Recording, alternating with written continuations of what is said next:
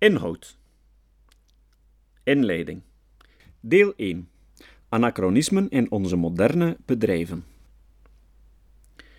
Is natuurlijk goed?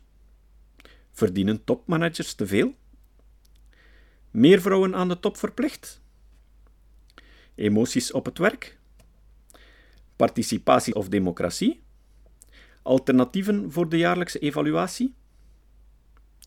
Deel 2. Evidence-based management. Evidence-based management? Leiden, managen of coachen? MBTI of neo- en circumplex? Deel 3. Samenwerking of competitie? Interne competitie en pay for performance. De oorlog om het talent. Wishful competentiedenken. Deel 4. Ethiek is nodig. Onderhandelen met partners. Andere ethische kwesties. Uitgeleide.